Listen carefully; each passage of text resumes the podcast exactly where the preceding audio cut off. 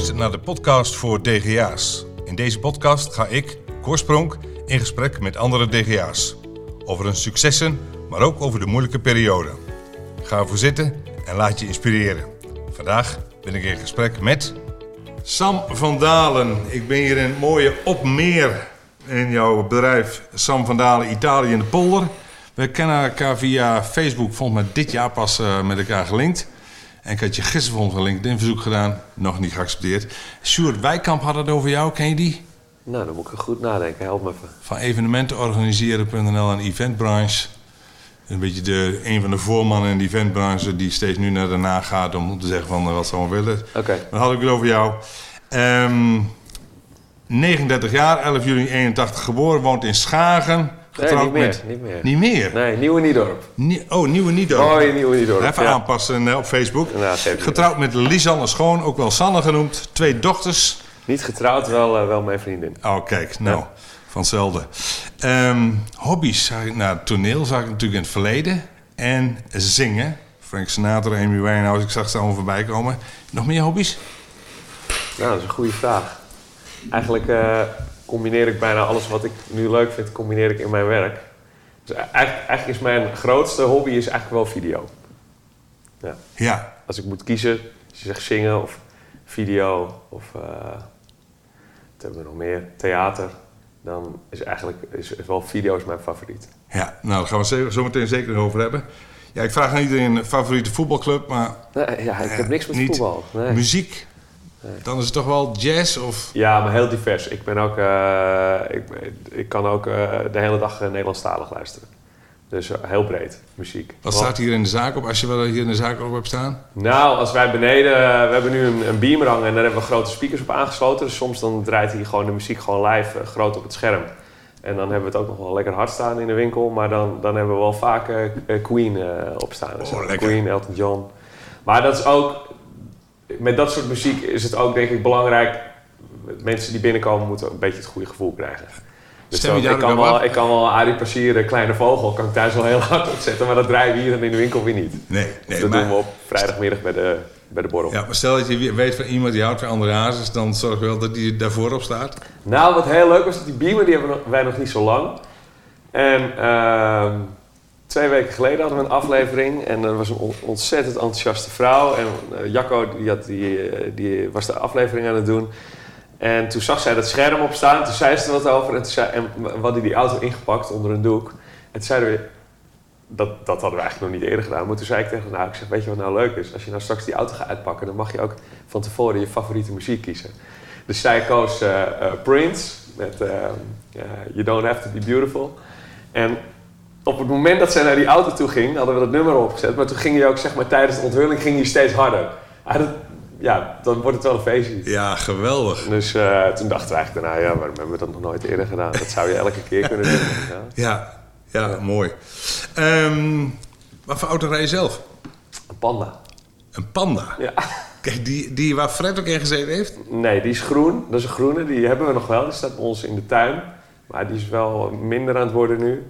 En ik heb zelf een blauwe, blauwe panda. Ah, leuk. Lees je als boeken? Ja. Wat voor boeken? Op dit moment uh, De meeste mensen deugen van uh, Rutger Bregman. Uh, Think and Grow Rich van Napoleon Hill. Nou, heb ik nog meer op dit moment? Nee, alleen die twee lees ik nu. Ook wel eens echt een managementboek of is het meestal... Nou, dan vind ik Napoleon Hill zou je wel een managementboek kunnen noemen. Maar dat vind ik gewoon heel interessant. Ik vind gewoon die gedachtegang vind ik interessant.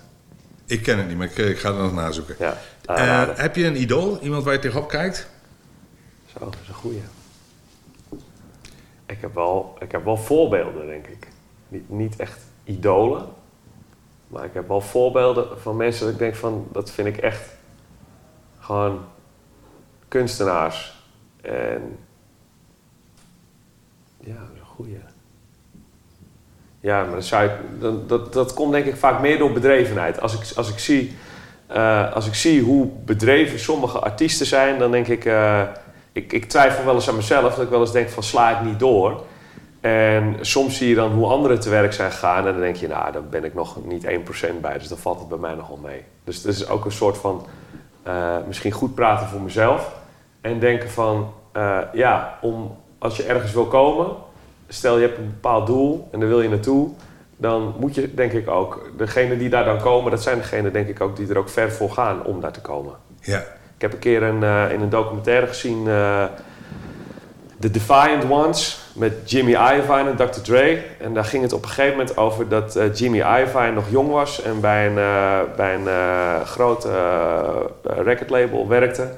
En op een dag hadden ze in de studio hadden ze een man en eh, die was zo op zoek naar één bepaald drumgeluid. Dat ging wekenlang door. En elke keer als ze in de studio die drum aansloegen, dan eh, zei hij weer iets om, eh, om te laten merken dat het, dat het niet het geluid was wat hij zocht. En het ging wekenlang door totdat, totdat die Jimmy Iovine helemaal knettergek werd, die studio uitliep. En op de studiogang kwam hij zijn baas tegen en zei, wat ga jij doen? Hij zegt, ik ben helemaal klaar mee, ik ga weg uit het hok. En toen, zegt hij, eh, toen zei die studiobaas, jij gaat terug en jij gaat dat hok weer in en jij gaat net zo lang door totdat die man het geluid heeft wat hij wil, want dit is groter dan jij. En die fan, dat was eh, Bruce Springsteen. En nou ben ik dus niet eens een Bruce Springsteen fan, maar dan denk ik, ja, Bruce Springsteen, die is natuurlijk op een gegeven moment, dat is, is een wereldster geworden. Maar, en dus, je staat er niet bij stil als je alleen gewoon zijn muziek op de radio hoort, hoe ver zo'n man is gegaan om het geluid te krijgen wat hij wilde, wat hij in zijn hoofd had. En dat vind ik wel, dat vind ik wel een fascinerend proces. Zou je, denk je dan ook dat op het moment dat beeld en geluid dan helemaal klopt, dat dan niet anders kan zijn dan dat het succes wordt? Bij mij? Nee, bij, bij, Bij iemand? mensen. Ja, bij iemand. Nou, dat denk ik niet. Dat, ik, denk dat... Dan is het wel eigen, zou je kunnen zeggen. Dan, dan, Ja, dan ja. is het wel geloofwaardig, is het wel betrouwbaar. Ja, maar iets wat uitgebracht wordt, dat is vervolgens denk ik ook afhankelijk van de tijd waarin het losgelaten wordt. Dus eh, als iemand iets maakt waar hij heel lang aan heeft gewerkt, dan denk ik dat je vervolgens ook altijd nog een klein stukje geluk nodig hebt met hoe het, hoe het vervolgens landt, hoe het valt. En eh, ik, ik denk daardoor dat er links en rechts hele mooie dingen gemaakt worden die eigenlijk heel groot zouden kunnen worden, maar wat, wat misschien bijna nooit iemand ziet. Ja, En sommige dingen die misschien niet eens eh 100 punten zijn, misschien iets kleiner, maar, maar wel heel mooi. Door een stukje mazzel ook, of door hoe het uitkomt, of eh, net waar het terecht komt, of wie ermee eh, aan, aan, de, aan de haal gaat, dat het juist wel heel groot wordt. Dus ik denk dat er ook altijd nog wel een kleine factor geluk mee Ja. speelt. ja. Ik zei vroeger een boek, hè. Eh, luister je ook als podcast? Nou, toevallig.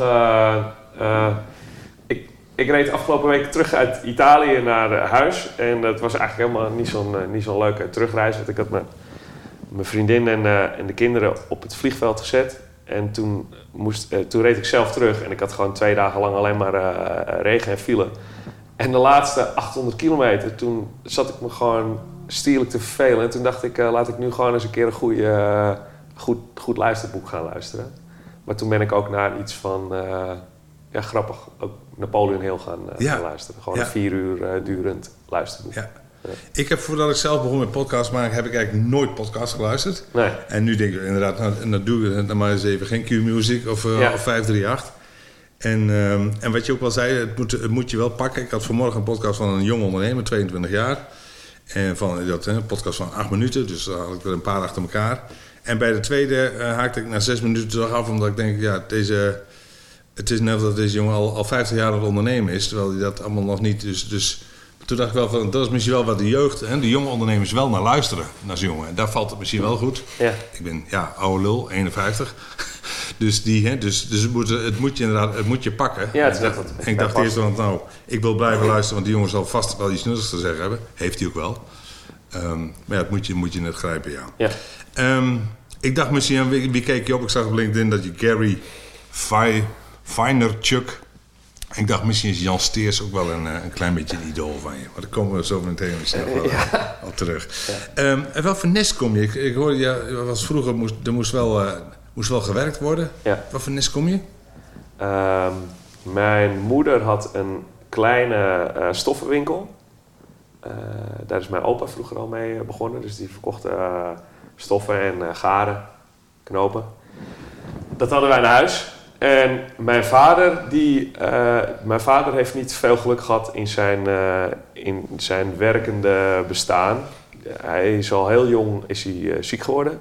Hij heeft, heeft kanker gehad op zijn zeventiende al. Hebben ze zijn been geamputeerd. En daarna is hij,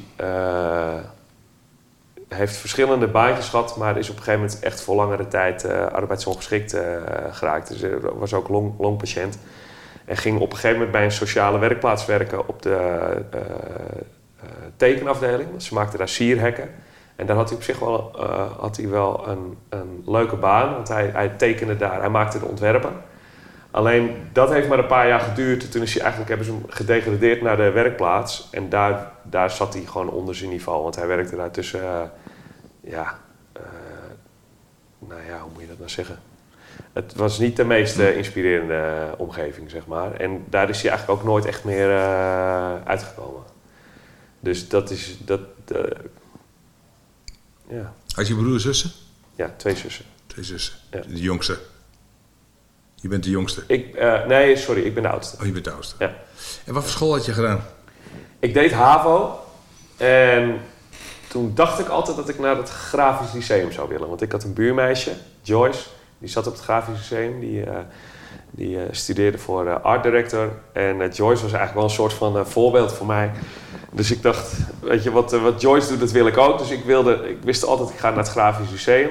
Dat was dan dat creatieve wat je dus eigenlijk altijd wel in je zat, wat je... Ja, ik was vroeger altijd of aan het tekenen of ik was met Lego bezig. Ja. ja. Dus wel bouwen of iets maken, tekenen. En, en van, waar toen naar de, naar de autoschool zeggen, naar de nou, IVA? Ik ben dus op een dag naar de, naar de open dag gegaan van het Grafisch Museum. En op de een of andere manier uh, spatte daar denk ik een soort van droom uiteen of zo. Want het, het, het, toen ik daar rondliep dacht ik, uh, hier hoor ik niet, dus mijn plek niet. En toen wist ik opeens niet meer wat ik, uh, wat ik dan wel moest doen, want toen zat ik al in 5 HAVO. En toen, dan moet je kiezen. Ja. En ik wist helemaal niet wat ik moest kiezen. En toen zat ik op een dag naast een jongen in de klas bij wiskunde, was Orno Klinkkamer. En Orno die vertelde toen dat hij dus naar het IVA ging. Daar had ik nooit over nagedacht om iets met auto's te gaan doen.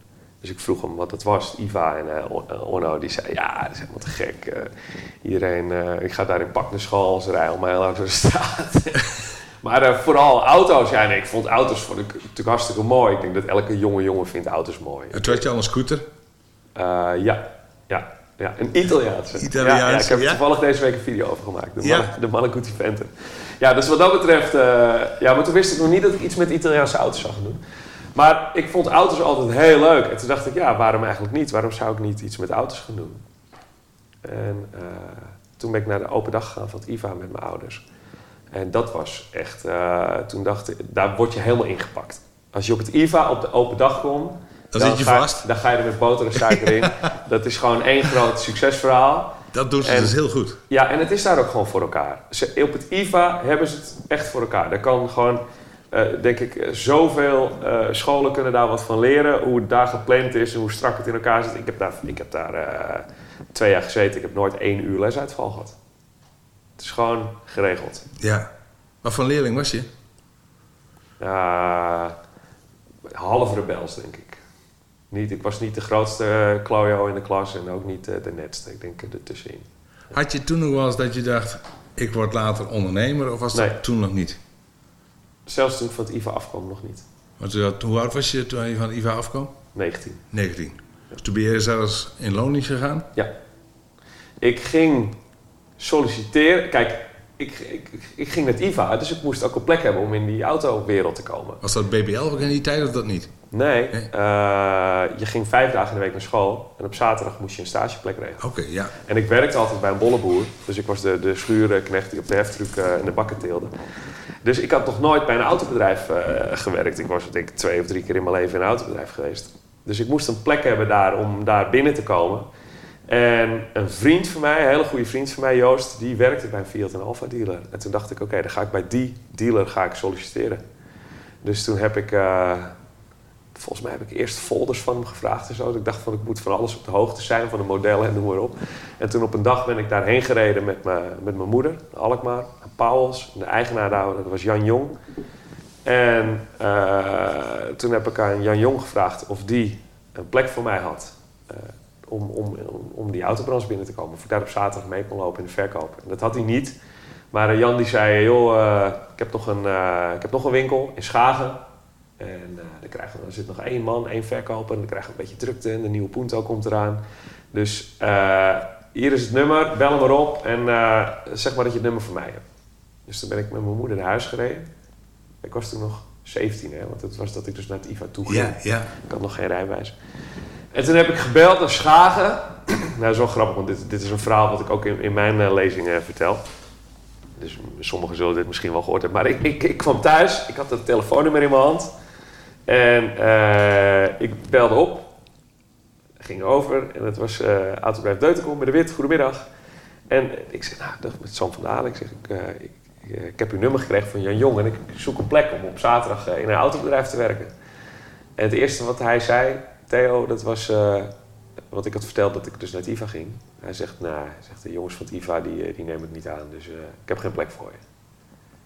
Dus ik, ik dacht, wat is dit nou? Wel? Ik denk, ik ga daar aan de gang. Ja. Dus ik zeg, maar hoe kan dat, joh? Ik zeg, u, bij u, u kent me niet eens. Weet je, ik zeg, laat me dan mezelf in ieder geval voorstellen. En toen zei hij, oké, dat is goed, zaterdagochtend 9 uur, jasje, dasje. Dus toen dacht ik, nou kijk, ik, ik, kan, daar, eh, ik, eh, kan daar in ieder geval eh, mezelf eh, presenteren. En toen ben ik op vrijdagavond met een jongen die ik kende van het IVA, ben ik met, bij hem achter op de motor ben ik naar Schagen gereden. Om in ieder geval te zien waar het was. Ja, ja. Hè, waar die zaak zat, want ik wilde niet te laat komen natuurlijk op zaterdagochtend. Ik moest op zaterdagochtend met de trein naartoe. De treinen met de fiets. Dus, en toen stond ik voor die zaak.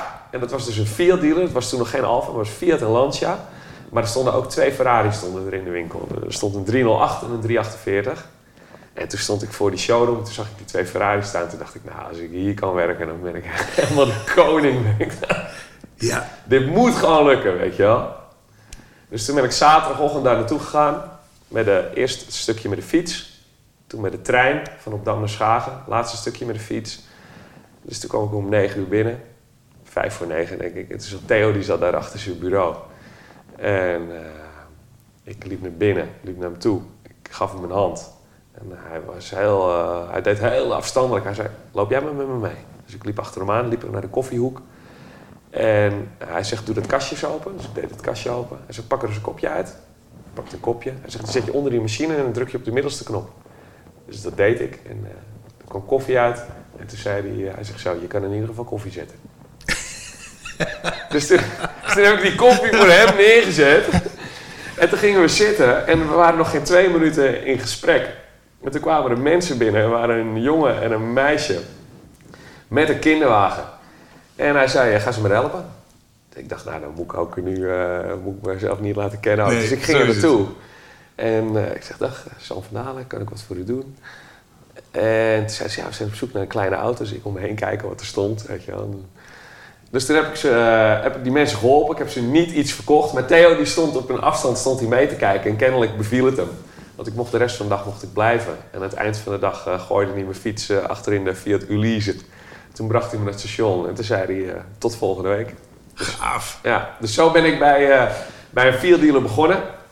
En bij diezelfde, bij datzelfde bedrijf heb ik, eh, ben ik gebleven. En heb ik na mijn IVA vijf jaar lang gewerkt. Dus ik ben echt meteen... ik- Zo ben ik in de Fiat's en in de Alfa's Ja, terechtgekomen. ja, ja. Ja. En heb ik is een hele mooie tijd gehad. ja. En is daar, is, denk je ook een beetje ervan, eh, van, op het moment dat iemand één keer daarmee begiftigd is, op zeggen, of bekeisterd is, ja, dat, dat, dat het dan Gaat niet meer weg. gaat niet meer weg? Ik zou, ik zou nooit iets anders gaan verkopen. Tenminste, als, als zou je mij nu zeggen van je kan doorgaan met je bedrijf, maar dan moet je BMW gaan verkopen of Audi of wat dan ook, dan, dan stop ik. Dan ga ik. Dit is gewoon nu wat ik doe. Dit doe ik al lang. Dit vind ik leuk. En ik vind het echt, ik vind echt dat wij gewoon een fantastisch mooi product hebben. En dit is wat ik doe. En anders ga ik gewoon, want ik zou ook andere dingen kunnen. Dus dan ga ik, dan ga ik eh, iets met poffertjes doen of met pannenkoeken. Ja, ja, ja. Of met reclame, maar dat ga ik niet. Ik zou nooit meer eh, een, mijn autobedrijf. eh, ik, ik zou nooit overstappen naar een ander merk. Nou, ondernemers van Nederland, als jullie nog eh, een Italiaans zouden willen, dan moet je echt in de snoepwinkel van Sam van Dalen komen kijken. Want ik heb hier net beneden rondgelopen. Ja, heerlijk, heerlijk. Alhoewel ik eh, geen. eh, ehm, ik ben een BMW-man, maar goed. Ja. Ehm, wanneer was toen het moment dat je zei. Je zei vijf jaar daar gewerkt. Wanneer was het moment dat je zei. En nu ga ik dat voor mezelf doen? Dat kwam omdat ik op een gegeven moment. Eh, het bedrijf werd overgenomen door de Sterrengroep. En wij gingen dus in één keer van twee vestigingen gingen wij naar tien of dertien vestigingen. Sterren is ook veel Mercedes, toch niet? Sterren is ooit begonnen met Mercedes, ja. Maar de Sterren 2 was toen uh, Fiat Alfa Romeo Lancia en volgens mij ook Opel. En wij hadden toen 13 Fiat-vestigingen volgens mij. Of 13 vestigingen inclusief Opel. En één winkel die ze overnamen, dat was uh, Fiat Rijnen in Zaandam. En dat waren twee panden, twee oude panden. Aan de ene kant van de weg stond de showroom, aan de andere kant de werkplaats. En boven die werkplaats zat een, zat een uh, appartement. Daar woonde vroeger uh, mevrouw Rijnen. En nou, dat hele spul dat ging eruit, het kwam leeg. En um, ik, ik was toen nog best wel jong. Ik was denk 21 of 22, dus ik verdiende niet zoveel. Ik had, uh, ik had niet echt een dik salaris daar. En ik had wel door dat van, de, van heel Sterren 2, van al die winkels die daar binnen vielen, was ik gewoon... Uh, ik deed op een gegeven moment schagen in mijn eentje, dus ik was daar toch een soort van bedrijfsleider. En, uh, en mijn winkel draaide goed, maar ik had een heel laag salaris. En ik had op een gegeven moment wel door wat die andere mannen van die andere vestigingen verdienden. Weet je, van, van Alkmaar en Amsterdam en, uh, en Zaandam. En ik dacht, ja, volgens mij, wat, wat ik krijg, dat is eigenlijk gewoon bijna fooi, denk ik. Dus ik wilde op een gegeven moment wel wat meer verdienen. Maar overal in de groep draaiden ze geen fantastisch resultaat. Dus toen was er een soort van, toen zeiden ze van ja, er is een soort van salarisstop. Weet je wel, je Ja. kan niet meer verdienen, we willen het je wel geven, maar het kan niet. Ja, ja, ja. Daar was ik het niet helemaal mee eens. Dat liet ik ook merken. En toen, een paar weken later, toen kwam de financieel directeur naar me toe. En eh, dat was heel leuk. want Hij zegt, joh, hij zegt, we kunnen je niet meer salaris geven, maar ik heb wel wat anders leuks voor je. Hij zegt, we hebben een vestiging overgenomen in Zaandam. En er zit een appartement boven. Rijd er maar naartoe. Kijk maar of het voor je is. En als je het leuk vindt, dan mag je daar gewoon eh, wonen. Voor niks. Nou, ik denk, dat is natuurlijk top. Dus ik ben er met een vriend van mij naartoe gereden beneden in de werkplaats de sleutel opgehaald, naar boven gegaan. Nou, dat was gewoon een oude eh, bende, maar het was wel was heel leuk. Het was gelijkvloers boven de werkplaats, het was groot. En eh, het zat tegen de stad aan, weet je. Als je, je kon daar over het spoor heen met een loopbrug dan stond je midden in de stad. Dus ik was meteen, eh, ja, ik dacht, dit is super, weet je. Dus samen met die vriend waarmee ik erheen ging, eh, Joris, hebben we meteen gezegd, eh, oké, hier gaan we wonen. We zijn smiddags naar de bouwmarkt gegaan, verf gehaald, we hebben het hele hok geschilderd. En s'avonds kwam een andere goede vriend van ons langs, Steven. Die hier nu naast mij zit. Die heeft een groot bedrijfswagenbedrijf.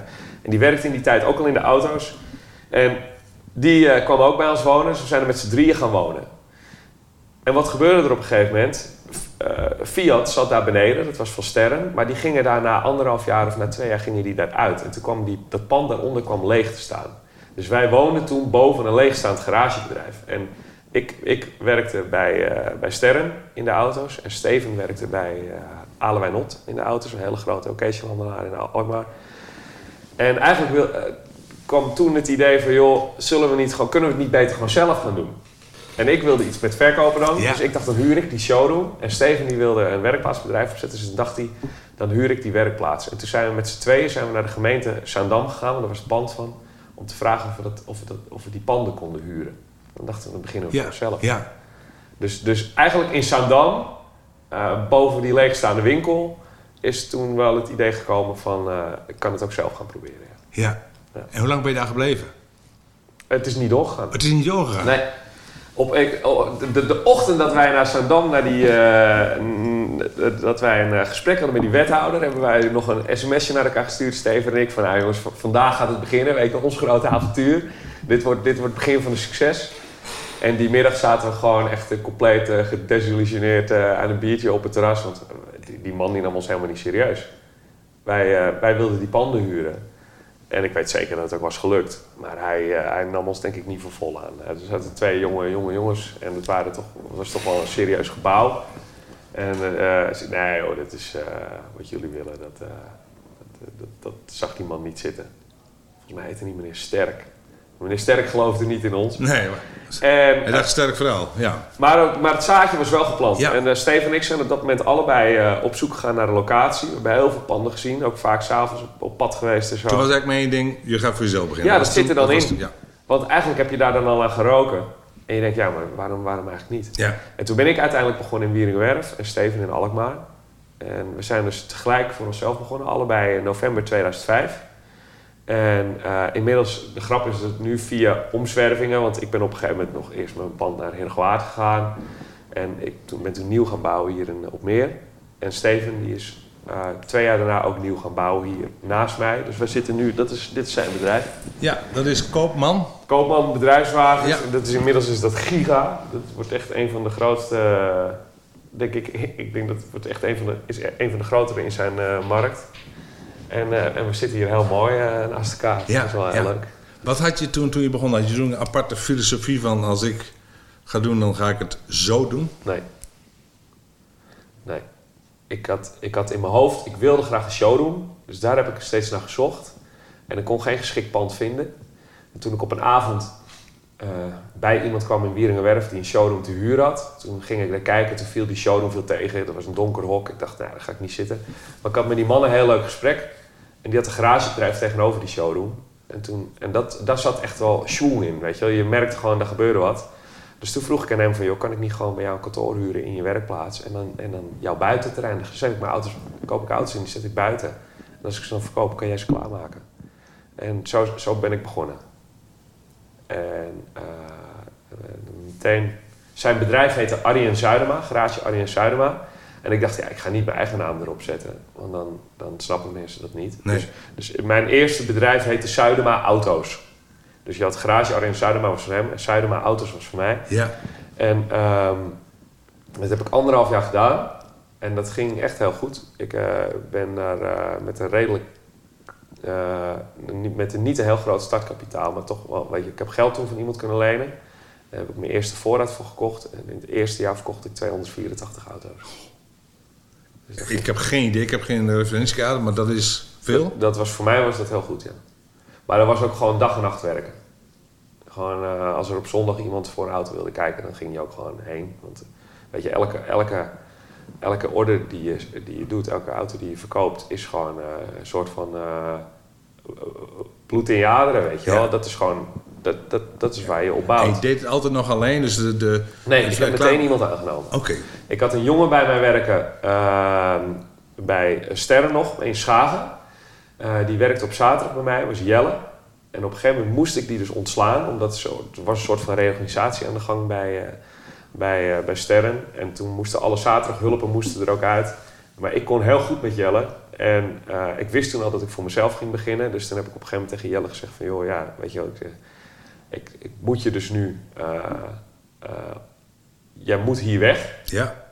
Zeg maar, eh, ik heb al besloten dat ik voor mezelf begin. Dus dat, dat duurt nog maar vijf of zes weken. Dus we hebben toen, we hebben hem volgens mij die laatste zes weken, ik heb hem gewoon, hij mocht gewoon elke week gewoon even goed komen. En ik heb hem toen volgens mij deels uit mijn eigen zak betaald. En deels hebben we hem, denk ik, ik weet niet, misschien naar de fooiepot of zo. Maar ik zei, ik wil gewoon dat je bij mij komt werken straks. Want wat kon Jelle dan? Uh, Jelle die, eh, die deed eh, de winkel schoonmaken en, eh, en de auto's poetsen. En eh, dat, dat deed hij op, eh, op zaterdag daar, maakte de werkplaats schoon. Maar hij was ook heel, eh, hij had ook een hele leuke, leuke babbel. Was ook gewoon iemand die echt wat kon, weet je wel. Dus ik dacht, ik moet niet in mezelf beginnen en dan alles, alles alleen moeten doen. Ik heb iemand nodig ook die me helpt met poetsen, die er is als Ja. ik onderweg ben Ja, ja. ook. En dat werd Jelle. Dus die heb ik toen meteen aangenomen. Voor dat, dat liep samen met zijn school. Dat ik, die had tijd over, dus ik kon ik drie dagen in de week, voor drie dagen in de week aannemen. En, en zo ben ik begonnen. Ja. Dus eh, drie dagen in de week had ik iemand in dienst. Even, even of een tussenvraag, maar is iedereen die bij jou begint, vind jij dat die ook weer de IVA zou moeten hebben? Eh, dat, veel hebben dat wel gedaan, want ik heb best wel wat jongens gehad inmiddels door de jaren heen. Eh, maar ik heb nu één hele goede en die, die heeft geen IVA gedaan. Dat is Joep. En eh, Joep die komt uit de, eh, uit de horeca. Maar die, eh, ja, die heeft geen IVA nodig. Die zou ook niet dat nu nog gaan doen. Die is hier denk ik op zijn negentiende binnengekomen. Die is nu eh 324. Dus die, die zou dat niet, nu ook niet meer gaan doen. Maar ik heb wel veel mensen hier gehad en, die op een gegeven moment naar het IVA toe zijn gegaan. En die daar ook een hele mooie tijd hebben gehad. Ja. Ik hoor vooral eh, eh, hard werken. Nou, dat is, de- vaak wel. Ondernemers doen dat vaak wel. En ik eh, zag in een filmpje voor, die voorbij kwam, die had je over jezelf gemaakt in 2010. Ehm tref je jou, of dat had je misschien al langer. Je ziet colitis ulcerosa. Ja, Een chronische, regelmatig terugkerende ontsteking in de darm. ja, En je zegt, toen ik op een gegeven moment niet meer verder dan 50 meter kon lopen, Toen werd het wel heel erg nijpend. Ja. Ehm, word je onzeker van als je zo ziek, als je zo ziek wordt? Ja. Eh, en eh, heel moe vooral. En, eh, en je sluit je sociaal af. Want je kan niet, weet je, als je om de vijf of om de tien minuten naar de wc moet, dan, dan ga je niet meer naar een verjaardag toe op een gegeven moment of wat dan ook. Nee. Of als, als we op zondag vrienden bellen en die zeggen, joh, we gaan een stukje varen, het is mooi weer, dan ga je niet mee. Want je wil, je wil niet, Ik wil geen auto ophalen, man. nee. Nou ja, dan moet je wc-papier meenemen. En, eh, ja, joh, het is, als ik er nu aan terugdenk, dan het is een vreselijke tijd. Had je er langer onder geleden? Is, komt dat acuut op? Of is dat... Eh, op een dag begint het, weet je wel? En dan denk je, ah, dat gaat morgen wel weer over. En, en dan wordt het steeds erger. En binnen een week uh, spoot bij mij het bloed eruit. Dus sorry voor mijn taal, maar dat is hoe het is. En, en dan word je eerst word je op een gegeven moment een beetje angstig. Want dan denk je, ik heb echt iets serieus aan de hand. Ik heb misschien darmkanker of wat dan ook. Dus dan ga je onder, krijg je onderzoeken. En dan eh, kom je erachter dat het geen kanker is, maar, uh, Maar wel er serieus. aan de hand is. Ja. Ja. En wat ik, waar ik, niet, wat ik niet wilde accepteren is dat eh eh 90% van de mensen die dat heeft, die eindigt uiteindelijk met een stoma. En ja, weet je, eh, t- 2010, dus het 10 jaar af, dan was ik 29. En ik ben iemand die gewoon toch wel eh ijdel is en eh, mijn hele leven lang eh, heb gesport. Weet je wel, gewoon, eh, ik, ik hou ervan om er wel gewoon goed uit te zien. Weet je wel, ik heb, ik heb mezelf nooit laten verzakken of wat dan ook. En ehm, ik, ik zag mezelf niet voor me over het strand lopend met een, eh, met een stoma op mijn buik. Ik dacht, dat, dat klopt gewoon niet. In mijn eh, toekomstbeeld kan dat Nee, gewoon niet. Kon ik niet rijmen. En ik wist dat als ik me er aan over zou geven, dat ik, eh, weet je, want eh, als je in het ziekenhuis zeggen ze je moet medicijnen nemen, je krijgt ontstekingsremmers. Heb ik in het begin ook gedaan. Maar dan heel snel werken die niet meer. Dus dan krijg je een zwaardere. En als die niet meer werkt, krijg je nog een zwaardere. En dat, die versnelling die gaat heel snel hoor. Want dat zie je wel bij mensen om je heen die het dan ook hebben. En uiteindelijk ga je in de prednison. En als dat niet meer werkt, dan zeggen ze... Nou, meneer Van Dalen, we trekken nu eh, eh, die dikke darm eruit. En dan krijg je, eh, krijg je een zakje op je buik. En ik, ik dacht gewoon, dat is mijn voorland dan. Ja. En dat accepteer ik gewoon niet. En dat is een hele, hele, heel lastig traject geweest. Want ik ben daar heel ver in gegaan om een manier te vinden om er vanaf te komen. Totdat je ook echt in je omgeving merkt dat je weerstand krijgt van mensen die zeggen van wat je aan het doen bent is niet goed. Je bent gewoon, eh, ik, had, ik had hele goede vrienden die gewoon zeiden dat ik veel te eigenwijs was. En dat ik gewoon naar de artsen moest luisteren, want die wisten het beter dan ik. Dus dan ga je op een gegeven moment ook wel eens zelf twijfelen. Dat je denkt van, eh, ben ik nou echt zo'n zo'n stomkop? Dat ik, dat ik dit dus, eh, dat ik niet wil accepteren dat ik er gewoon aan toe moet geven, weet Ja. je wel? Maar dat, dat, dat kon ik niet. En, en ik vroeg me af, ja, die Jan Steers, heeft die Jan Steers jou een stuk blinde darm gegeven? Of wat, wat, Nee. wat, wat is er gebeurd? Hij heeft me vooral veel vertrouwen gegeven. Ik ben op een dag, ik ben overal geweest. Ja? Ik heb elk soort eh, eh, dieet geprobeerd. Ik heb elke soort van genezing geprobeerd. Kon die Van tijd jouw zaak gewoon door? Dat je deed daarnaast gewoon Ja, maar het was wel zo dat als ik eh, s s'morgens om eh, kwart voor negen op de zaak kwam, redelijk vol energie, omdat ik gewoon s'avonds al om acht uur naar bed ging, Ja. weet je wel, dat ik om half tien s'morgens al uitgeblust op de balie lag. Dus de drie kwartieren was bij mij op. Ja. Totdat vrienden van mij wel zeiden van, eh, je moet een paar maanden vrij nemen, want het gaat gewoon helemaal niet goed met jou. Ja, maar ja. En, en, maar ik, ik ben blijven zoeken naar dingen en ik ben echt overal geweest. Weet je wel, tot, totdat je bij mensen zat met magneten in je handen en stroomschokken door je lijf. En eh, de diëten waar je gewoon op een gegeven moment in woog ik eh, 60 kilo. Ik weeg nu 74, ik ben slank en ik weeg 74 kilo. Ik, ik kan me niet voorstellen dat ik dat hier 14 kilo, kilo minder nog aan heb Nee, gezeten. Want dat is gewoon, dan ben je gewoon echt, eh, dan is er niet veel van je over. En, en op een gegeven moment gaan vrienden tegen je zeggen van... jij moet nu eh, dat gaan doen, want je bent echt verkeerd bezig, weet je wel. Eh, maar ik dacht, ik ga vinden wat er aan de hand is. Ik ga, ik ga dat vinden. Het zit hem in een soort vitamine... of het zit hem in iets wat ik niet tegen kan... of ik, of ik, moet een drankje op het spoor komen waardoor het beter wordt... of wat dan ook, weet je. Maar ik dacht, als ik maar lang genoeg volhoud, dan ga ik dat vinden. Totdat ik op een gegeven moment... eh, en en, en eh, een vriend van mij, die had al vaker tegen mij gezegd... Van, joh, je moet naar Jan Steers. Maar ik was al bij zoveel mensen geweest dat ik dacht, ik ga niet meer naar mensen toe. Want iedereen zegt van je moet dit of dat, maar dat werkte nooit. Dus ik zei, ik zeg, hoef niet naar Jan Steers, want eh, ik ben al bij heel veel mensen geweest en dat is de oplossing niet. Ik dacht, ik moet het zelf achterkomen. Totdat ik dus op een avond inderdaad, eh, ik zou een uh, film gaan kijken bij een vriend van mij. Die woonde echt, nou, die woonde nog geen 300 meter verderop. En ik liep er naartoe. En je moet je voorstellen, als je er dus zo in zit... En mensen die colitis of Crohn hebben, die zullen dit herkennen als ze dit horen. Je hele leven neemt het in zijn greep. Dus je gaat op een gegeven moment, als je de deur uitgaat... ben je nog maar met één ding bezig. Want je denkt, je moet eerst gewoon naar de wc, naar de wc, naar de wc. Je voorbereiden dat je op een gegeven moment die deur uit kan... Dus je zit zeg maar eerst een uur op de wc voordat je de deur uitgaat. En, en dat had ik gedaan. En, uh, en je loopt, op een gegeven moment loop je gewoon verkrampt. En ik, en ik, liep naar die vriend toe en ik was nog niet eens bij de spoorlijn. En uh, nou ja, weet je, scheet gewoon mijn hele broek vol.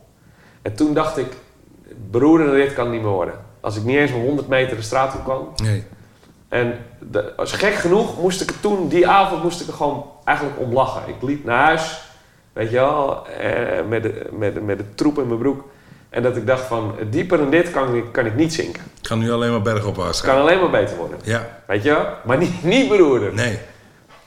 En uh, ik ben thuis onder de douche gestapt, troep in de was gegooid. En toen heb ik uh, die vriend van mij gebeld en gezegd... geef me maar het nummer van Jan Steers, want ik weet niet meer wat ik moet doen. En uh, daar staat zijn bordje trouwens, op mijn bureau.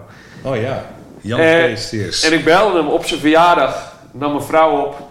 En die zei, ja meneer Steers die is jarig, die kan nu niet aan de telefoon komen, maar uh, wat wil je? Ik zeg, ik wil hem heel graag spreken, want ik heb van een vriend van me gehoord dat hij, dat hij me kan helpen. Dan zei ze, nou kom dan morgen maar langs. Dus toen ben ik daar de volgende dag naartoe gegaan. En uh, ik kwam naar binnen, hij woonde in een caravan. Hij was een hele bijzondere man hoor. En hij rookte denk ik drie of vier pakjes Camel op een dag. Het stond er helemaal zwart van de rook. En hij zat, hij was toen... Hij woonde hier ook in? Hensbroek. 83 of 84 was hij. Hij zat in de hoek van die, van die caravan, zat hij in een stoel, onderuit gezakt. Hij was brandmager, grote grijze lokken achterover. Zat hij op die sigaret zat hij te roken. Heel lang hoekig gezicht. Kom in! Had heel lang in Amerika gewoond, dus ik ging naar binnen. En uh, hij zegt, uh, wat is er aan de hand? Weet je wel? Dus ik vertellen. En uh, hij zegt... Toen zei hij, hij zegt, vroeger gingen mensen hier dood aan. Maar nu niet meer. dus toen zei hij, pak een pen. En moest ik een pen pakken en een stuk papier. En toen zei hij, schrijf op. En toen ging hij gewoon opschrijven wat ik gewoon twee weken lang moest doen. Moest eten, niet moest doen, moest drinken. Klaar. En, uh, en toen zei ik, en dan? Hij zegt, en dan kom je bij me terug. En dan zeg je, meneer, Jan, meneer Steers, bedankt. Ik kan weer verder met mijn leven. Hier heb je 50 piek en de groeten. En ik zei, eh, dat kan niet. Weet je wel. Uh, en toen zei hij, wet er maar niet om, want geheid dat je verliest, zei hij toen. Zo. Ja, en ik ben toen naar huis gegaan en ik ben gewoon precies gaan doen wat hij zei.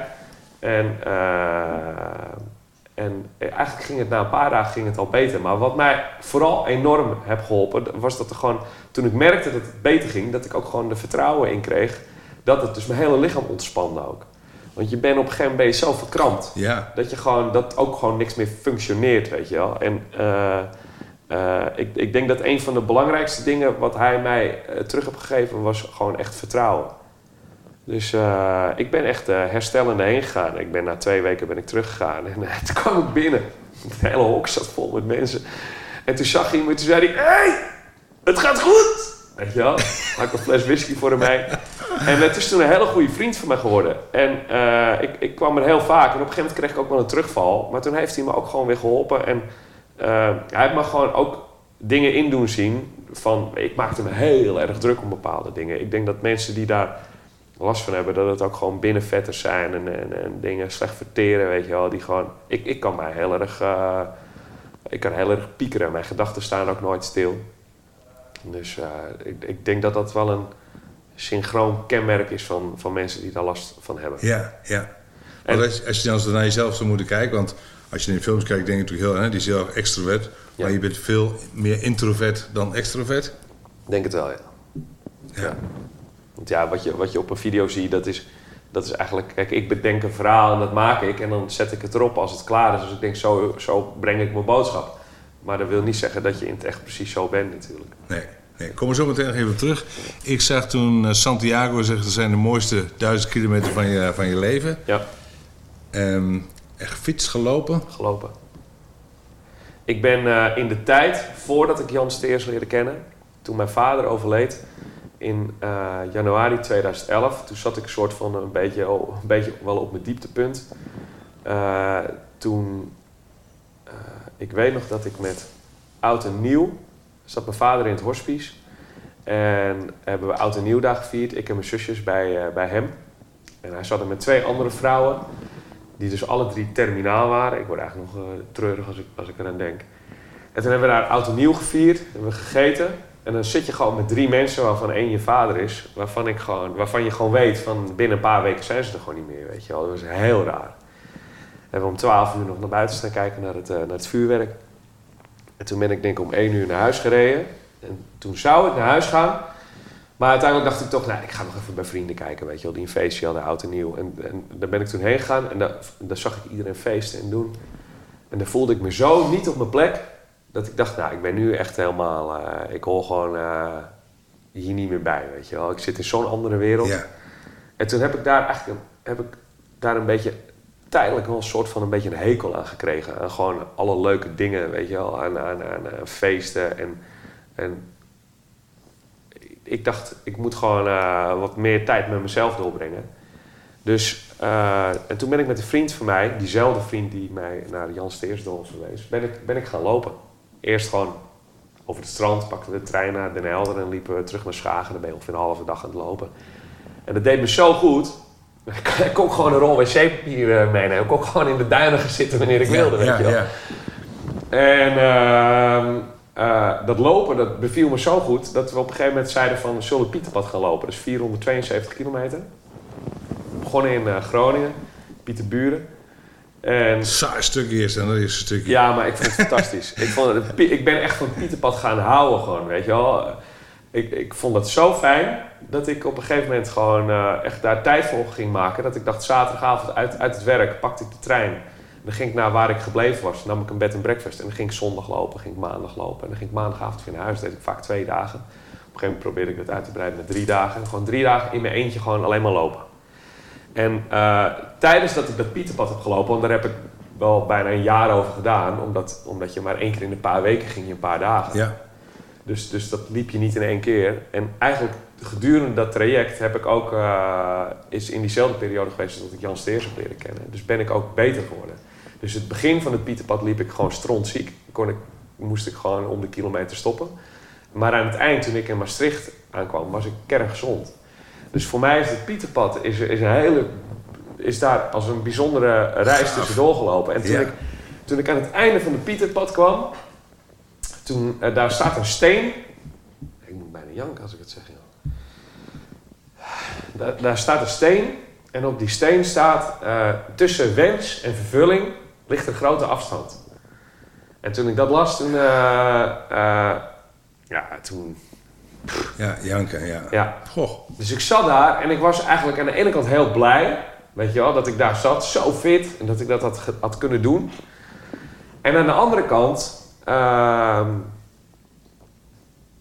was er zoveel veranderd, want mijn pa was er niet meer. Jan Steers is in die tijd ook overleden. Die heb ik me eigenlijk maar een jaar gekend. En ik zat daar en ik was gewoon helemaal gezond. En dat pad was af. Ja. Weet je wel? Ik dacht, wat? Ik kon het niet rijmen dat die plek waar ik elke keer naartoe ging, dat dat gewoon daar stopte. En ik heb daar toen een half uur, eh, denk ik, gezeten. En, en toen in één keer, toen keek ik, toen viel me iets heel stoms op. Want eh, dat pad, dat is natuurlijk niet af. Dat loopt gewoon door. Weet je wel? Eigenlijk, het Pieterpad stopt daar. Ja, en er staat ja. een zeil dat je aan het einde bent. Ja. Dus daar kan je heel treurig op zijn. En op een gegeven moment kijk je naar links. En denk je, maar wacht even, dat stopt helemaal niet. Er staat gewoon een bordje, niche, 2200 kilometer, weet je wel. Ik denk, ja, kan natuurlijk veel verder gaan. En toen ben ik naar huis gegaan en toen heb ik daarover nagedacht. En toen dacht ik, oké, weet je wat? Ik wil... eh, eh, ik, ik, ik, ik, ik zou wel naar Santiago willen lopen. En, eh, maar wat gebeurde er? Dat was eh, 2012 en ik had toen al plannen gemaakt om, eh, om, eh, om een nieuw eh, bedrijfsplan te bouwen. Want, want toen, ik op een gegeven moment, toen ik me op een gegeven moment beter ging voelen, toen dacht ik ook, ik ga gewoon alles doen wat ik nog wil doen. Weet je wel? Ja, ja. En ik heb toen ehm, mijn, eh, eh, mijn nieuwe pand gebouwd in 2012, waar we dus nu in zitten. En toen dat bijna klaar was, toen dacht ik, oké, er is eigenlijk altijd een reden om het niet te doen. Weet je, want als je dus naar Santiago wil, dan ben je, moet je gewoon een maand vooruit trekken om 1000 kilometer te lopen. Als waar ben je dan begonnen met lopen? In eh, Frankrijk. Frankrijk. Saint-Jean-Pied-de-Port. Dus het is, het is dan niet 1000 kilometer, het is volgens mij net geen 900 kilometer. En toen dacht ik, weet je wat, als mijn pand klaar is en, eh, en we hebben de opening gehad, dan redden ze het hier wel even, dan ga ik, eh, ga ik dat doen. Een soort van cadeau voor mezelf. Ja. Dus ik ben, we hebben volgens mij op een zondagmiddag hebben we hier mijn opening gehad en ik denk dat die week daarna ben ik weggegaan. En toen ben ik, heb ik vijf of zes weken vrij voor genomen. Toen ben ik met de trein naar eh, Frankrijk gegaan. En daar eh, vanuit de Pyreneeën ben ik naar Santiago gaan lopen. Dus die 900 Ja. kilometer. ja. Zo, dit was het eerste gedeelte van de podcast voor DGA's. Heb jij een vraag aan deze ondernemer? Dat kan. Stuur dan een mail of een comment onder dit bericht. En dan zullen we deze doorspelen aan de ondernemer. Wil je elke week geïnspireerd raken door deze podcast? Abonneer je dan op het kanaal op YouTube, Soundcloud, Spotify, Apple Podcast, waar je deze ook maar luistert. En dan word je elke week op de hoogte gebracht als er weer een nieuwe podcast online staat. Dan gaan we nu door naar het tweede gedeelte. Is het, is het ehm, wat ik wel, wel, ehm, wel mooi vind en ook... Eigenlijk als ondernemer doe je, sta je vaak voor dingen alleen. En je hebt eigenlijk ook dan privé nog eens een keer eigenlijk alleen door een hele struggle heen gemoeten. Dan wel een, een, vriend misschien die, eh, waar je terecht kon. Ehm, hoe ga je met die eenzaamheid om? Nou, ik heb me Heeft dat lopen? je- Nee, ik heb, me nooit, ik heb me nooit eenzaam gevoeld. Want als je gewoon eh, ergens bent op een plek waarvan je denkt, ik hoor hier niet, eh, nu even niet tussen, dan kan je ook nog wel bij jezelf terecht. Dus als je vervolgens.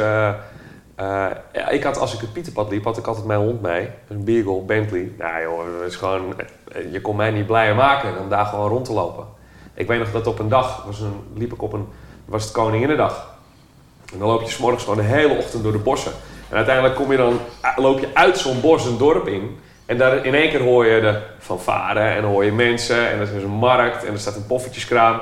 En dan ga je dan tussendoor.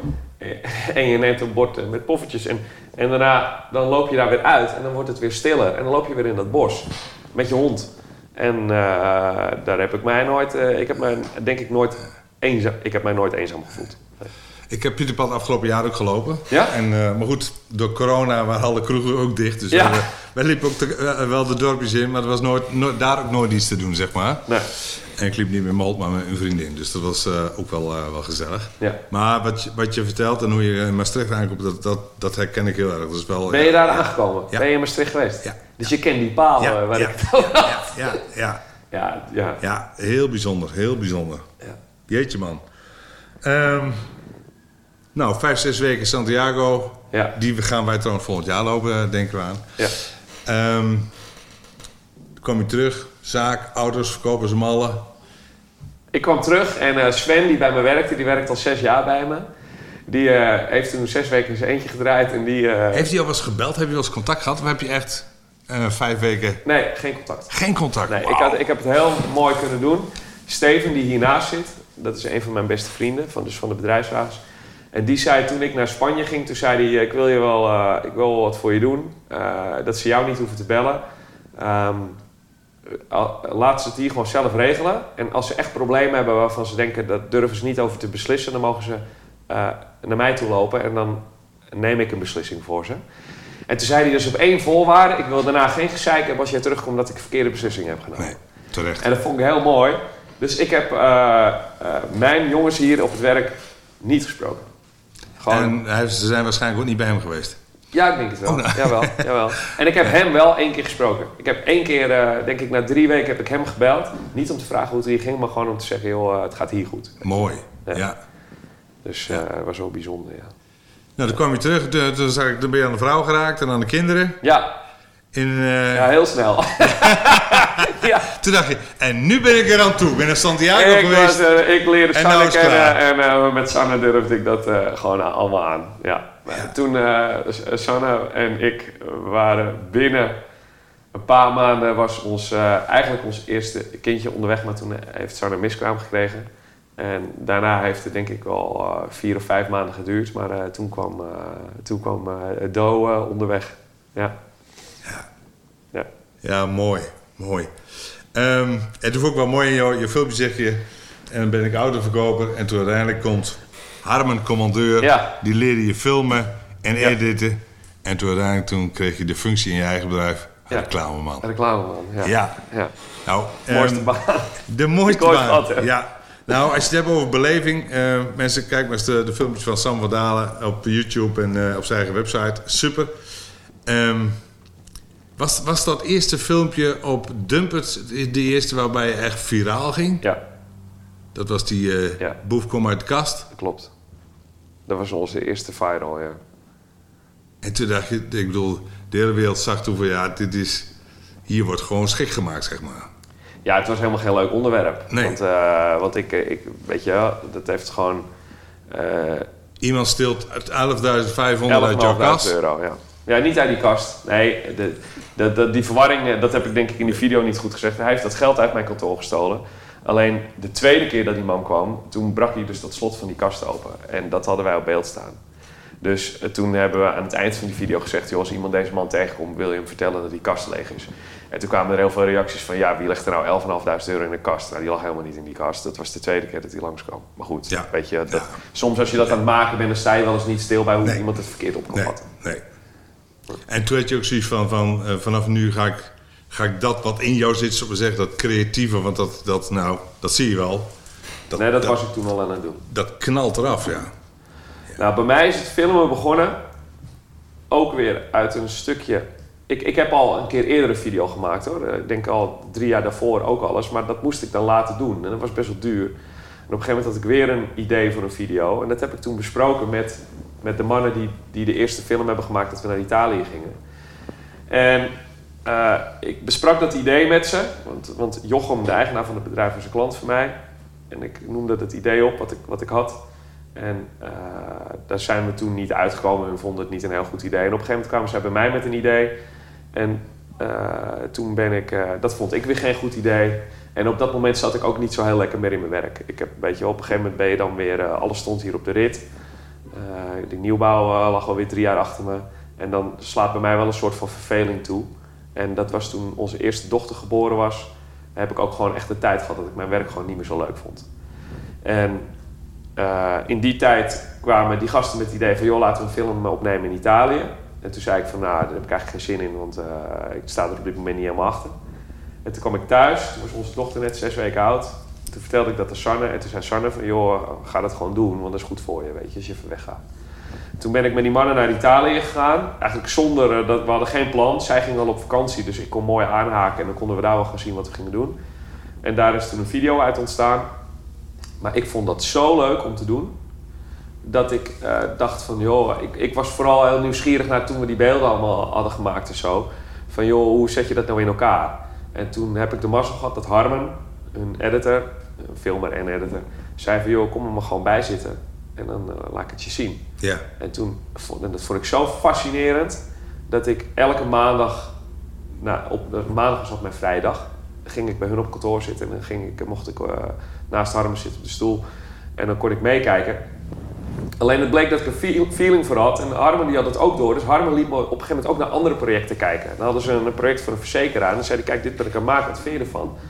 En dan zat ik te kijken en dan zei ik van, ja, weet je wel, eh, ja, dit en dat en dat vind ik goed. Maar wat die man daar zegt, hè, die man die maakte dan een zin. En dan na die zin zei hij, weet je wel, slikte hij zo met zijn adem naar binnen. En, ik, en op de een of andere manier geloofde ik niet wat die man zei.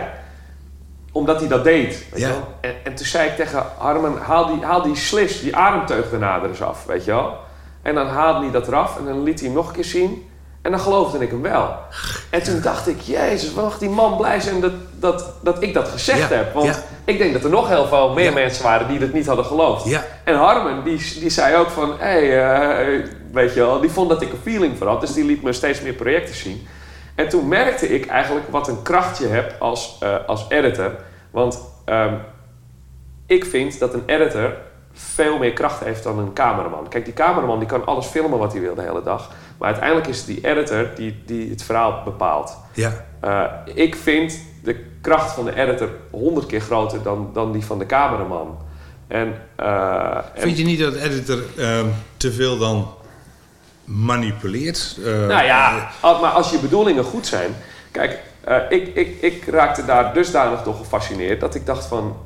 De, de, en ik noem dat de kracht van de edit. Dat ik dacht, ik, ik wil dat leren beheersen. Dus ik heb aan Harmen gevraagd van, joh, kan ik, kan ik zo'n programma krijgen? En toen hebben zij voor mij het programma op mijn computer gezet. Maar ik had beeld nodig. Want ik had niks om te editen. Nee. En mijn vriendin had in die tijd een blog over paardenmeisjes. En, toen, en zij interviewde paardenmeisjes. Gewoon, uh, en dan typen. En toen zei ik tegen haar van, kan ik niet een keer met je mee? Dan ga ik dat filmen als jij zo'n meisje interviewt. En dan ga ik daar een, een gesproken interview, ga ik er een video-interview voor maken. Ja. Toen ben ik met hem meegegaan, hebben we dat gedaan. En uh, dus heb ik mijn eerste video gemaakt. En dat was dus voor de blog van mijn vriendin. En dat was super leuk om te doen. En daar hebben we toen een serie van gemaakt. Volgens mij hebben we er zes of zeven gemaakt. En, en dan kan je zelf... En ik ben met die eerste film ben ik naar het filmbedrijf gegaan. Ik zeg, kijk jongens, dit is mijn eerste video. en, uh, en, en die jongens allemaal kijken, licht uit, video laten zien. En toen, zegt, toen was hij af en toen zei Jochem, ja, Sam, uh, ja, heel leuk. Hij is gewoon rond, weet je wel. Begin, midden, eind, conclusie. Weet je wel, natuurlijk was er heel veel wat beter kon. Maar nu nog steeds, als ik die video terugkijk, vind ik hem nog steeds leuk. En um, ik heb er denk ik zes of zeven gemaakt. En toen dacht ik, oké, nu kan ik het goed genoeg om, uh, om het voor mijn eigen bedrijf te gaan doen. Dus toen heb ik, heb ik de eerste video voor mijn bedrijf durven te maken. En uh, uh, nog één en nog één. En, en, en, dan merk je, dan krijg je reacties. Ik kreeg veel reacties. Maar ook mensen die zeiden van ja, het geluid is niet goed of het is slecht te verstaan. Weet je wel. Nou, dan ga je daarin verbeteren. Dan ga je op zoek naar hoe, hoe, hè, hoe werkt zo'n kastje, hoe heb je beter geluid. En elke keer word je een beetje beter. En toen ik er op een gegeven moment een stuk of vijf, zes had gemaakt... toen liep ik met een vriend van mij, was ik ook weer op, met Geert... was ik op zondag aan het lopen. En toen zei Geert, die ook heel veel met video doet... dus een makelaar van klavermakerij, misschien ken je, ken je de video's. Toen zei hij, wat wil je daar eigenlijk mee? En toen zei ik, uh, dat weet ik niet.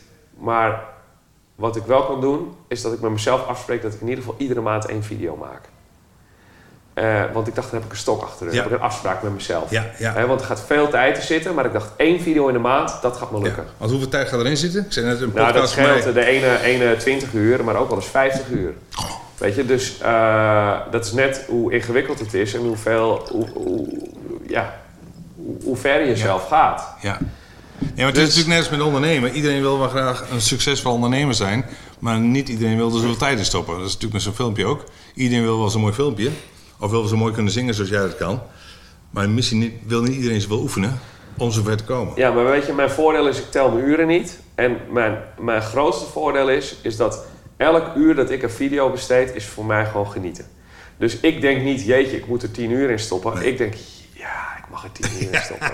wel. Yes, ja. En die, die uren zijn moeilijk te vinden hoor, want hier op mijn werk kom ik er niet aan toe. Want er, er gebeurt hier altijd wat, er komen mensen binnen, de telefoon gaat, er is mail, iemand vraagt wat. Dus je komt, niet in die, in die, je komt toch niet in die flow. Dus het meeste doe ik, eh doe ik s'avonds thuis en, en, en, en s'nachts. En het gebeurt wel eens eh, echt tot frustratie van mijn vriendin hoor. Dat, dat, weet je wel, dat, dat zij om 11 uur zegt van, eh, joh, ik ga naar bed, kom je? En dan zeg ik, ja, nog even wat doen. En dan zit ik rustig tot 4 uur s'nachts. En dan de volgende dag ben ik natuurlijk gewoon back af, weet je wel. Dan zegt ze, ja, waarom doe je dat nou? En daar heeft ze, heeft ze ook gelijk in. Weet je, je weet dat toch, weet je. Je moet gewoon er weer zijn om, eh, om 7 uur moet je er gewoon weer staan, Ja. weet je wel. Ja. Maar ehm, dat komt omdat ik het gewoon zo leuk vind om te doen. Dat, dat het interesseert mij niet of ik er 50 uur of moet ik er 100 uur in stoppen.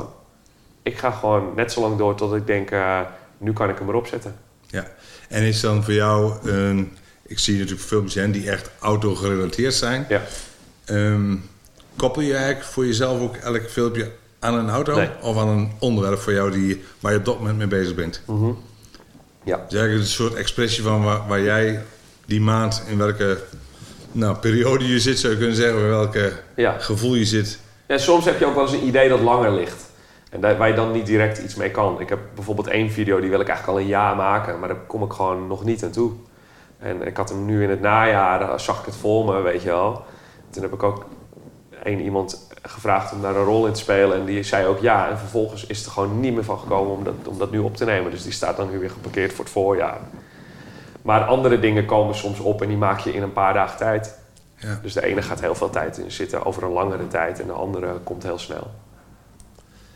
Even naar jou als, eh, als DGA. Wat voor baas ben je? Eh, een, meewerkend volman, denk ik. Kijk zelf tegen je op? Nee, Nee? nee, helemaal niet. Ben je bevriend met je personeel? Ik denk het wel. Ja. ja. En hoe gaan dan moeilijke gesprekken? Uh, nou, dat moet ik nu beter leren, want wij zijn dit jaar uitgebreid. En wij werkten altijd maar met z'n drieën. En ik heb eind afgelopen jaar heb ik, heb ik echt heel bewust uh, samen met twee vrienden, daar heb ik hulp bij, met twee vrienden naar mijn bedrijf gekeken van, joh, wat wil ik er nou eigenlijk mee? En, um, en toen zat ik op een niveau waarvan ik vond van dit werkt niet. Ik dacht of het moet kleiner of het moet groter. En ik, ben toen, ik kon, kwam daar in mijn eentje niet uit. En heb ik twee vrienden van mij voor uh, geraadpleegd. En met, met hen zit ik één keer per maand. En uh, wij hebben toen... Die, ik heb toen echt voor die keuze gestaan. Ga ik kleiner of ga ik groter? Ja. En toen heb ik gedacht, ik ga groter. Dus, dus ik heb daar nieuwe mensen bij aangenomen. De werkplaats met één iemand uitgebreid. ik heb een dame aangenomen voor, die mij ondersteunt in heel veel dingen. En de administratie volledig ook op zich neemt. En een extra man in de verkoop, eigenlijk een soort van winkelleider erbij aangenomen. Ja, ja. Dus, dus van, we gingen van drie naar zes. En ik moet zeggen dat ik dit veel leuker vind. Want ik heb, ik heb ook heel erg in dat proces naar mezelf gekeken wat, ik, wat, wat, wat mijn kracht is. Ja. En mijn kracht is niet om de hele dag in de winkel te staan. Dat doe ik al twintig jaar. En uh, die kracht verlies je een beetje, weet je wel. Als je dat zeg maar uh, in de eerste vijf jaar, dan bruis je van de energie. En dan denk je alleen maar aan, je, wil, je gaat voor de orde. Dat was zeker in mijn Fiat-tijd zo en in de eerste jaren dat ik voor mezelf was. Maar op een gegeven moment merk je dat het ook... Ik vind het dus eigenlijk veel leuker om op zoek te gaan naar de auto's. En ik vind het veel leuker om die marketing te maken. En ik vind het veel leuker om in zijn geheel aan mijn bedrijf te werken, om er iets moois van te maken. Weet je? Ja. Hoe, hoe wordt iemand ontvangen? Uh, wat, wat is het gevoel wat mensen krijgen als ze hier binnenkomen? En wat is onze service en wat is onze nazorg? Dus uh, die dingen. En dat zijn eigenlijk allemaal dingen. Als je de hele dag in de winkel staat, kom je daar niet zo aan toe, aan die drie dingen. Dus inkoop, algemeen in je bedrijf werken en uh, marketing. En doordat we nu hebben gezegd, oké, okay, we gaan bewust groter. Uh, uh, echt een, een, een, een, bedrijfsleider voor in de winkel erin. Dat is Jacco geworden. Ja. Dus die het hier zeg maar, van dag tot dag eigenlijk gewoon hier op de vloer uh, runt. heb ik veel meer vrijheid gekregen. kan ik veel meer op pad om mooie auto's te zoeken. Want dat, dat, doe, ik, dat, doe, ik, dat doe ik zelf. Dus ik ben heel veel onderweg. En heb ik meer tijd om om marketing te doen en heb ik meer tijd om aan mijn winkel Ja. te werken. Maar dus je zou zeggen, en wat is dan precies dat DNA wat jij nu dan in die vijf, zes mensen, eh, wat, wat wil je overbrengen? Wat nou, wij zijn er het afgelopen half jaar heel erg mee bezig geweest. eh, hoe de, wat, de, wat de ervaring moet zijn van iemand die hier naar ons toe komt om hier voor een Italiaanse auto te komen kijken. Want ze hoeven natuurlijk niet hier naartoe te komen. Ik bedoel, er zijn er natuurlijk nog eh, drie of vier in het land die het ook doen. En wat, wat is dan belangrijk? Wat, wat, moet die, wat, wat moeten ze voelen? Ja, d- nou dat is een goede vraag. Ze moeten in ieder geval het juiste gevoel krijgen. En dat zit hem denk ik in heel veel dingen. Dat zit hem... dat- dat- Daar kan je denk ik wel een lijst van tien dingen maken. Weet je wel, hoe, eh, hoe ziet de winkel eruit? Ehm, hoe is de directe ervaring als ze binnenkomen? Want je moet je niet vergissen. Kijk, veel mensen kennen mijn bedrijf al eh, via social media. Maar er is ook een valkuil. Want het kan zijn dat als ze hier dan in het echt binnenkomen, dat het misschien tegenvalt. En dan sta je 1-0 achter, dan haal je niet zomaar meer in. Dus wij zijn er heel erg op gebrand dat als iemand hier binnenkomt, dat hij gewoon echt ja, wel een soort van in de watten wordt gelegd. Weet je wel. Je kan wel denken als hier iemand binnenkomt van, oh hij wil eerst even kijken, ik spreek hem eh, na een minuut aan of ik ga eerst nog even iets anders doen. Maar die persoon kan in die tijd al denken van, eh, oh zie je, ik word hier niet geholpen, ik word hier niet serieus genomen. Weet je. wel. Ja. Dat is een heel groot, Ja. heel groot gevaar in winkels die er wat luxer uitzien. Is dat een, een enorme valkuil. Terwijl je misschien de beste bedoeling hebt, kan je soms al te laat zijn bij een klant. En is dat zaadje misschien al geplant, weet je wel. Dus eh, wij gaan daar wel heel bewust mee om. Dat, dat, dat, dat, eh, dat, dat we daar stil bij staan. Dat als een klant binnenkomt, dat hij gewoon ja, wel een soort van warm bad krijgt. Wat is een, is een iemand die een Italië-auto koopt, is dat. ehm, ja, zijn, dat zijn dat typische Italië-mensen?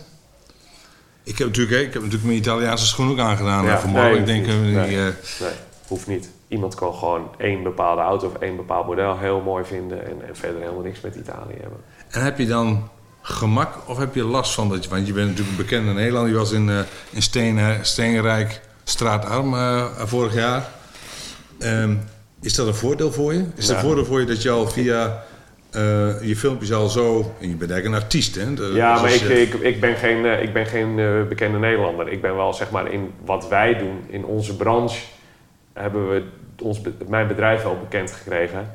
Maar eh, je moet dat ook niet overschatten. Ik bedoel, kijk, wij hebben 30.000 mensen die onze pagina volgen, maar er wonen 17 miljoen mensen in dit land.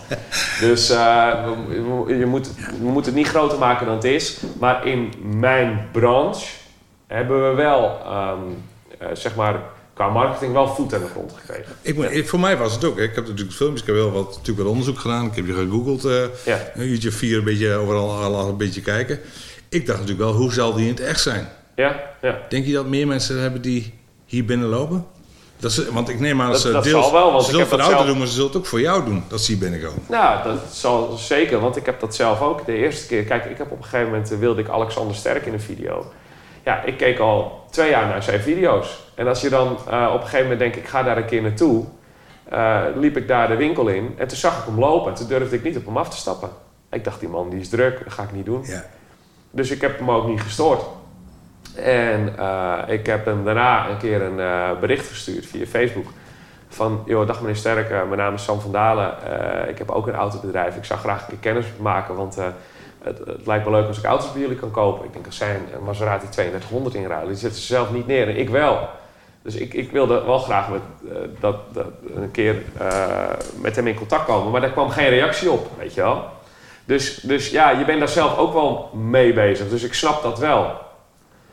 In, in zijn geval merkte ik op een gegeven moment dat hij mijn video's keek. Want je ziet wel een beetje wie je publiek is. Hè? Je, ziet op, je ziet wel elke week wie daarbij komen. Die pagina die groeit elke week een heel klein stukje. En ik kijk altijd wel een beetje wie de nieuwe mensen zijn die er Ja. kijken.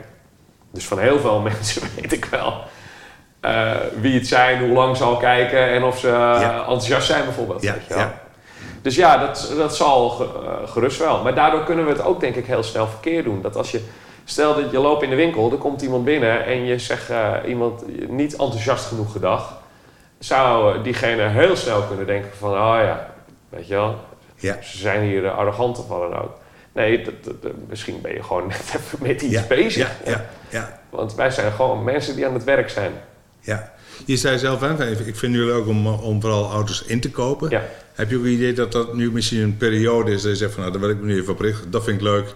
En dat dat op een gegeven moment ook weer... Nee, in, Eh. inkopen is een eh, van, de, eh, van de allerbelangrijkste facetten. Dat is dan, het- dan het ontdekken van waar is die, van wie is die geweest. Nou ja, uiteindelijk is onze business is die auto die daar staat. En dat moet een auto zijn die iemand weer wil hebben. En als je echt, als je erin slaagt om de echte mooie dingen te vinden die je voor het juiste tarief aan kan bieden, dan past daar altijd de klant bij. Als je echt de allerbeste auto hebt staan, eh, die, dan, dan zal zelfs de persoon die misschien eh, ons helemaal niet zo leuk vindt, want die zijn er natuurlijk ook genoeg, die zal dan zelfs nog overwegen om hier toch naartoe te komen, omdat dat wel een auto is die die wil hebben. Dus, dus, dus die auto die is heel belangrijk. Ja. Mooi. Dus dat, dat, kan, Ja, ik, dat ja. kan ik eigenlijk nooit aan iemand anders overlaten. Heb je wel eens als je een auto ziet je denkt, die is voor die? Dat je voor in je Ja. hoofd al een, al de, ja, die is geknipt voor die? Ja, zo- ja 100%. En verkoop je dan meestal ook aan die persoon? Nou, dat is vaak gebeurd, ja. Ja, dat is Ja. heel vaak gebeurd. Ja, mooi. Ja. ja. Ja. Ehm, ben je nog groeien? Je zegt nu afgelopen jaar heb ik gegroeid naar zes. Eh, Ja, wij hebben- Heb je, heb je Nu is eerst de organisatie gegroeid. En nu moet eigenlijk de businessgroei daar pas achteraan. Hè? Want je bereidt eerst de, zeg maar de motor uit. En dan op een gegeven moment kan er pas meer brandstof erheen. Dus eh, dat is wat wij nu aan het doen zijn. En dat gebeurt nu ook. We zijn al gas aan het geven. Gewoon, het is hier elke dag eh, bijna topsport. Ja. Ik vind dat heel leuk. Ja, Er zit nu weer veel meer dynamiek in dan een jaar geleden. Echt veel meer. omdat je zelf misschien ook weer de, de Nee, geest omdat terug iedereen ook snapt welke kant we op willen. Weet je. Nou, Oké, dan ben jij toch degene geweest die, dat, die ze daarin meeneemt. Ja, maar dan moeten de mensen het wel mee eens zijn. Ja, En eh, wij hebben nu een team eh, die allemaal snapt eh, wat we willen en ook wat we willen, wat we willen uitstralen en wat voor gevoel we neerzetten, en, maar ook wat voor service we willen leveren. En op dit moment, iedereen die hier rondloopt, die snapt dat. En dat is echt heel mooi, want dat merk je gewoon. Als je hier s morgens een beetje met elkaar de dag begint. En als je hem op vrijdagmiddag voor de meesten, kijk op zaterdag gaan wij nog door van de verkoop, maar dan is de werkplaats er niet. Dus eigenlijk sluiten we zeg maar op vrijdagmiddag met z'n allen sluiten we dat af. Eh, dan, eh, ik vind dat wel een heel mooi proces. Het is elke week gewoon weer een soort van nieuwe wedstrijd en we zitten gewoon in de wedstrijd, ja, weet je wel. ja. Ja, ik eh, er kwam bijvoorbeeld een, eh, iemand binnen vanmorgen en zei: hè, we, hebben, we hebben dit en dit weer gehaald. Dat natuurlijk, als die spirit er is van we, we willen winnen, we willen, Ja, eh, wil je die, die, eh, die competitie aan, ja, zeg we maar. zijn op dit moment allemaal onderweg om te winnen. Ah, lekker. Ja, ja. Ja. En dat is heel leuk. Dat is echt heel leuk. En dat is voor mij ook, eh, ook wel een beetje nieuw, hè. Want als je zeg maar met z'n drieën bent, zit je daar anders in. Als je zeg maar, je, je, je bent er zelf, je hebt één verkoper en één monteur, dan is dat redelijk kort. Ja. Maar als je dan met z'n zessen bent, dan krijg je alweer een hele andere dynamiek, waarbij iedereen goed moet snappen welk stukje bij hem hoort. Zodat je echt goed op elkaar kan leunen, weet je wel. En dat beginnen we nu voor elkaar te krijgen. En je hebt eigenlijk ook gezorgd dat je, dat je organisatie minder kwetsbaar is. Want eh, als er eentje uitvalt, dan gaat het toch gewoon door. Als jij Ja, uitvalt, maar hij is ook veel kwetsbaarder als... eh, wij hebben het meteen gemerkt begin van dit jaar. eh, toen in toen, eh, 16 maart Rutte zei van... joh, en nu allemaal even op de rem. Toen ging hier ook alles op de rem. En dan komen we hier alle zes 's morgens binnen. Maar als er geen klanten komen... dan heb je ook wel even met zes man even meer stress dan met drie. Ja, Dan giert het gewoon eh, van je af. ja. Wat, Dus, gebeurde eh, toen, daarom- wat gebeurde toen in je hoofd? Dat- Dan denk je, oh mijn hemel, hoe lang gaat dit duren? Of, Nou ja, eh, ja. En wij hebben natuurlijk ook kapitaal-intensieve business. Weet je, je hebt hier voor een vermogen aan auto's staan. En ehm, je hele systeem draait op een, op een vorm van roulatie daarvan. ja, Ik bedoel, je verkoopt ze. Daardoor kan je nieuwe inkopen. Daardoor kan je je kosten betalen. Daardoor kan je je mensen betalen. Daar los je de bank vanaf. Dat is, dat is de hele motor. En als die motor stopt, als op een gegeven moment geen mensen meer binnenkomen, dan in de eerste weken, kijk, je moet je voorstellen, als zeg maar, eh, stel dat je twee, drie weken lang niks verkoopt. Eh, de enige telefoon die dan nog gaat, is een BMW-dealer die belt en die zegt: Hé, hey, de Julia waar jullie twee weken terug hebben geboden, die is binnen. En dan belt de volgende, ja, die is binnen, weet je wel. Maar normaal gesproken, je betaalt die auto's uit je, uit je lopende omzet. Want Ja. wij gaan ervan uit dat wij er elke week 6, 7, 8 verkopen. Nou, reken maar uit wat een auto gemiddeld kost. Dan weet je ongeveer een beetje wat wij in omzet draaien in een week. Ja. Dat, dat geld heb je eigenlijk elke week weer ook om uit te geven. ja, Dat is gewoon een systeem. Maar als het systeem stagneert, dan kan je op een gegeven moment na... eh, je hebt natuurlijk nog wel een beetje cash, maar na 6, 7 weken kan je op een gegeven moment ook even niet meer kopen. Dus je hebt ook nog geen, jonge aanwas, geen nieuwe aanwas meer. Dus, dus de hele motor die, eh, die, gaat, die, die, die gaat stil. Alleen al je vaste kosten gaan door. En ik heb daar op een gegeven moment naar zitten kijken. Dat ik dacht van, eh, oké, hoe kan je zeg maar het hele land zo dichtzetten... zonder uitzicht op wanneer het weer anders wordt. Als je 16 maart zegt, oké, we blijven nu allemaal thuis... zeg je dan van, dat doen we tot 16 april of tot 16 mei... of zeg je gewoon helemaal niks... Sluit je de horeca, moet iedereen daar maar blijven. ja, maar toen maakte je het filmpje Ja, ik- Jan en Cor. Ja, ik, ik Ja. zat dat, dat, die heb ik gemaakt uit een Ja. soort eigen frustratie. Dat ik dacht van, oké, eh, we snappen allemaal dat dit moet gebeuren. Ehm, maar niemand weet eigenlijk wanneer dit stopt. En je weet dus ook niet hoe lang je dat volhoudt. Je kan wel uitrekenen hoe lang je dat volhoudt. Maar zoals bij ons ook, met kapitaalintensieve business... waar in één keer gewoon je volledige kapitaal stilstaat... ja, dan kan iedereen zeggen van... eh, ja, eh, weet je wel, ik ook. Mijn bedrijf bestaat al 15 jaar. Dan zou je zeggen, je hebt genoeg opgebouwd om dat uit te zingen. Ja, dat is wel zo. Maar, maar het kapitaal staat wel vast. Ja. Want er staat gewoon voor een vermogen aan auto's... die op dat moment even eh, stagneren. Ja, en dan kunnen we En zeggen, verkoop je niet verkocht- toch? Ja, dat af. was de bedoeling. Dus dan moet je onder de prijs gaan verkopen. En gelukkig heeft dat hele verhaal maar twee maanden geduurd. En bij ons is het daarna weer heel goed op gang gekomen. Maar als je natuurlijk een horecatent hebt, eh, midden op het Leidseplein, die gewoon helemaal dicht is, met de gigahuur. En je hoort gewoon niet eh, wanneer het eh, weer open gaat. En die gasten zijn natuurlijk op een gegeven moment weer, mochten ze beperkt open, ja, 30 man binnen. En, en nu moeten ze weer dicht. Ja, ik denk dat je gewoon me- men- mentaal een enorme knauw krijgt. En, en ik heb daar toen in, in maart en in april heb ik daar veel over nagedacht. En op een gegeven moment dacht ik, ja, ik dacht. Ik hoorde dus ook mensen zeggen van, ja, als je dit niet eh, tegen kan, dan heb je als bedrijf sowieso geen bestaan. Zegt, ja, dat is, vind ik, ik vind dat dat niet zo is. Want eh, Voor sommigen zal het gelden. voor sommigen zal dat gelden. Maar je hebt gewoon in, in bedrijven, ook al zit er veel kapitaal in het bedrijf, het zit altijd vast in bepaalde dingen. En als die roulatie stopt, ehm, eh, dan, dan droogt een bepaald potje op. Dan kan het kapitaal er nog wel zijn, maar als je het dan niet vrij kan maken. En ik dacht op een gegeven moment, nou, ik dacht, ik ga er gewoon een video over maken. En, eh, en eh, dan mag het wel niet mijn onderwerp zijn en niet mijn vakgebied. Maar ik dacht, fuck it, eh, weet je wel, publiek. ik, ik wil dat gewoon zeggen. Ja. En ik kreeg toen wel een paar, want ik belde één grote horeca-ondernemer, een klant van mij. En ik hield het tegen hem aan. Ik zei, joh Peter, wat vind je ervan? Hij zei, oeh, voorzichtig hoor. Hij zegt, want dit is heel glad ijs, weet je wel. Ja, ik, ik, dacht, ik zei, ja, je hebt gelijk. Maar ik wil het eigenlijk toch gewoon zeggen. Al heb ik het maar gezegd. En dan mag iedereen dus zeggen dat het onzin is. Maar ik wil het eigenlijk toch wel vertellen. Want dat is eigenlijk wat wij altijd doen. Je vertelt in een video waar, Ja. waar je op dat moment mee bezig bent. En op dat moment was ik daarmee bezig. En ik heb die video gemaakt. Ik heb hem erop gezet. Nou, we hebben, hij is 2 miljoen keer bekeken. We hebben, ik heb geen enkele andere video eh, van ons is, is 6000 keer gedeeld, weet je wel. Omdat het gewoon, eh, kennelijk eh, was dat dus wel een gevoel wat heel veel mensen hadden.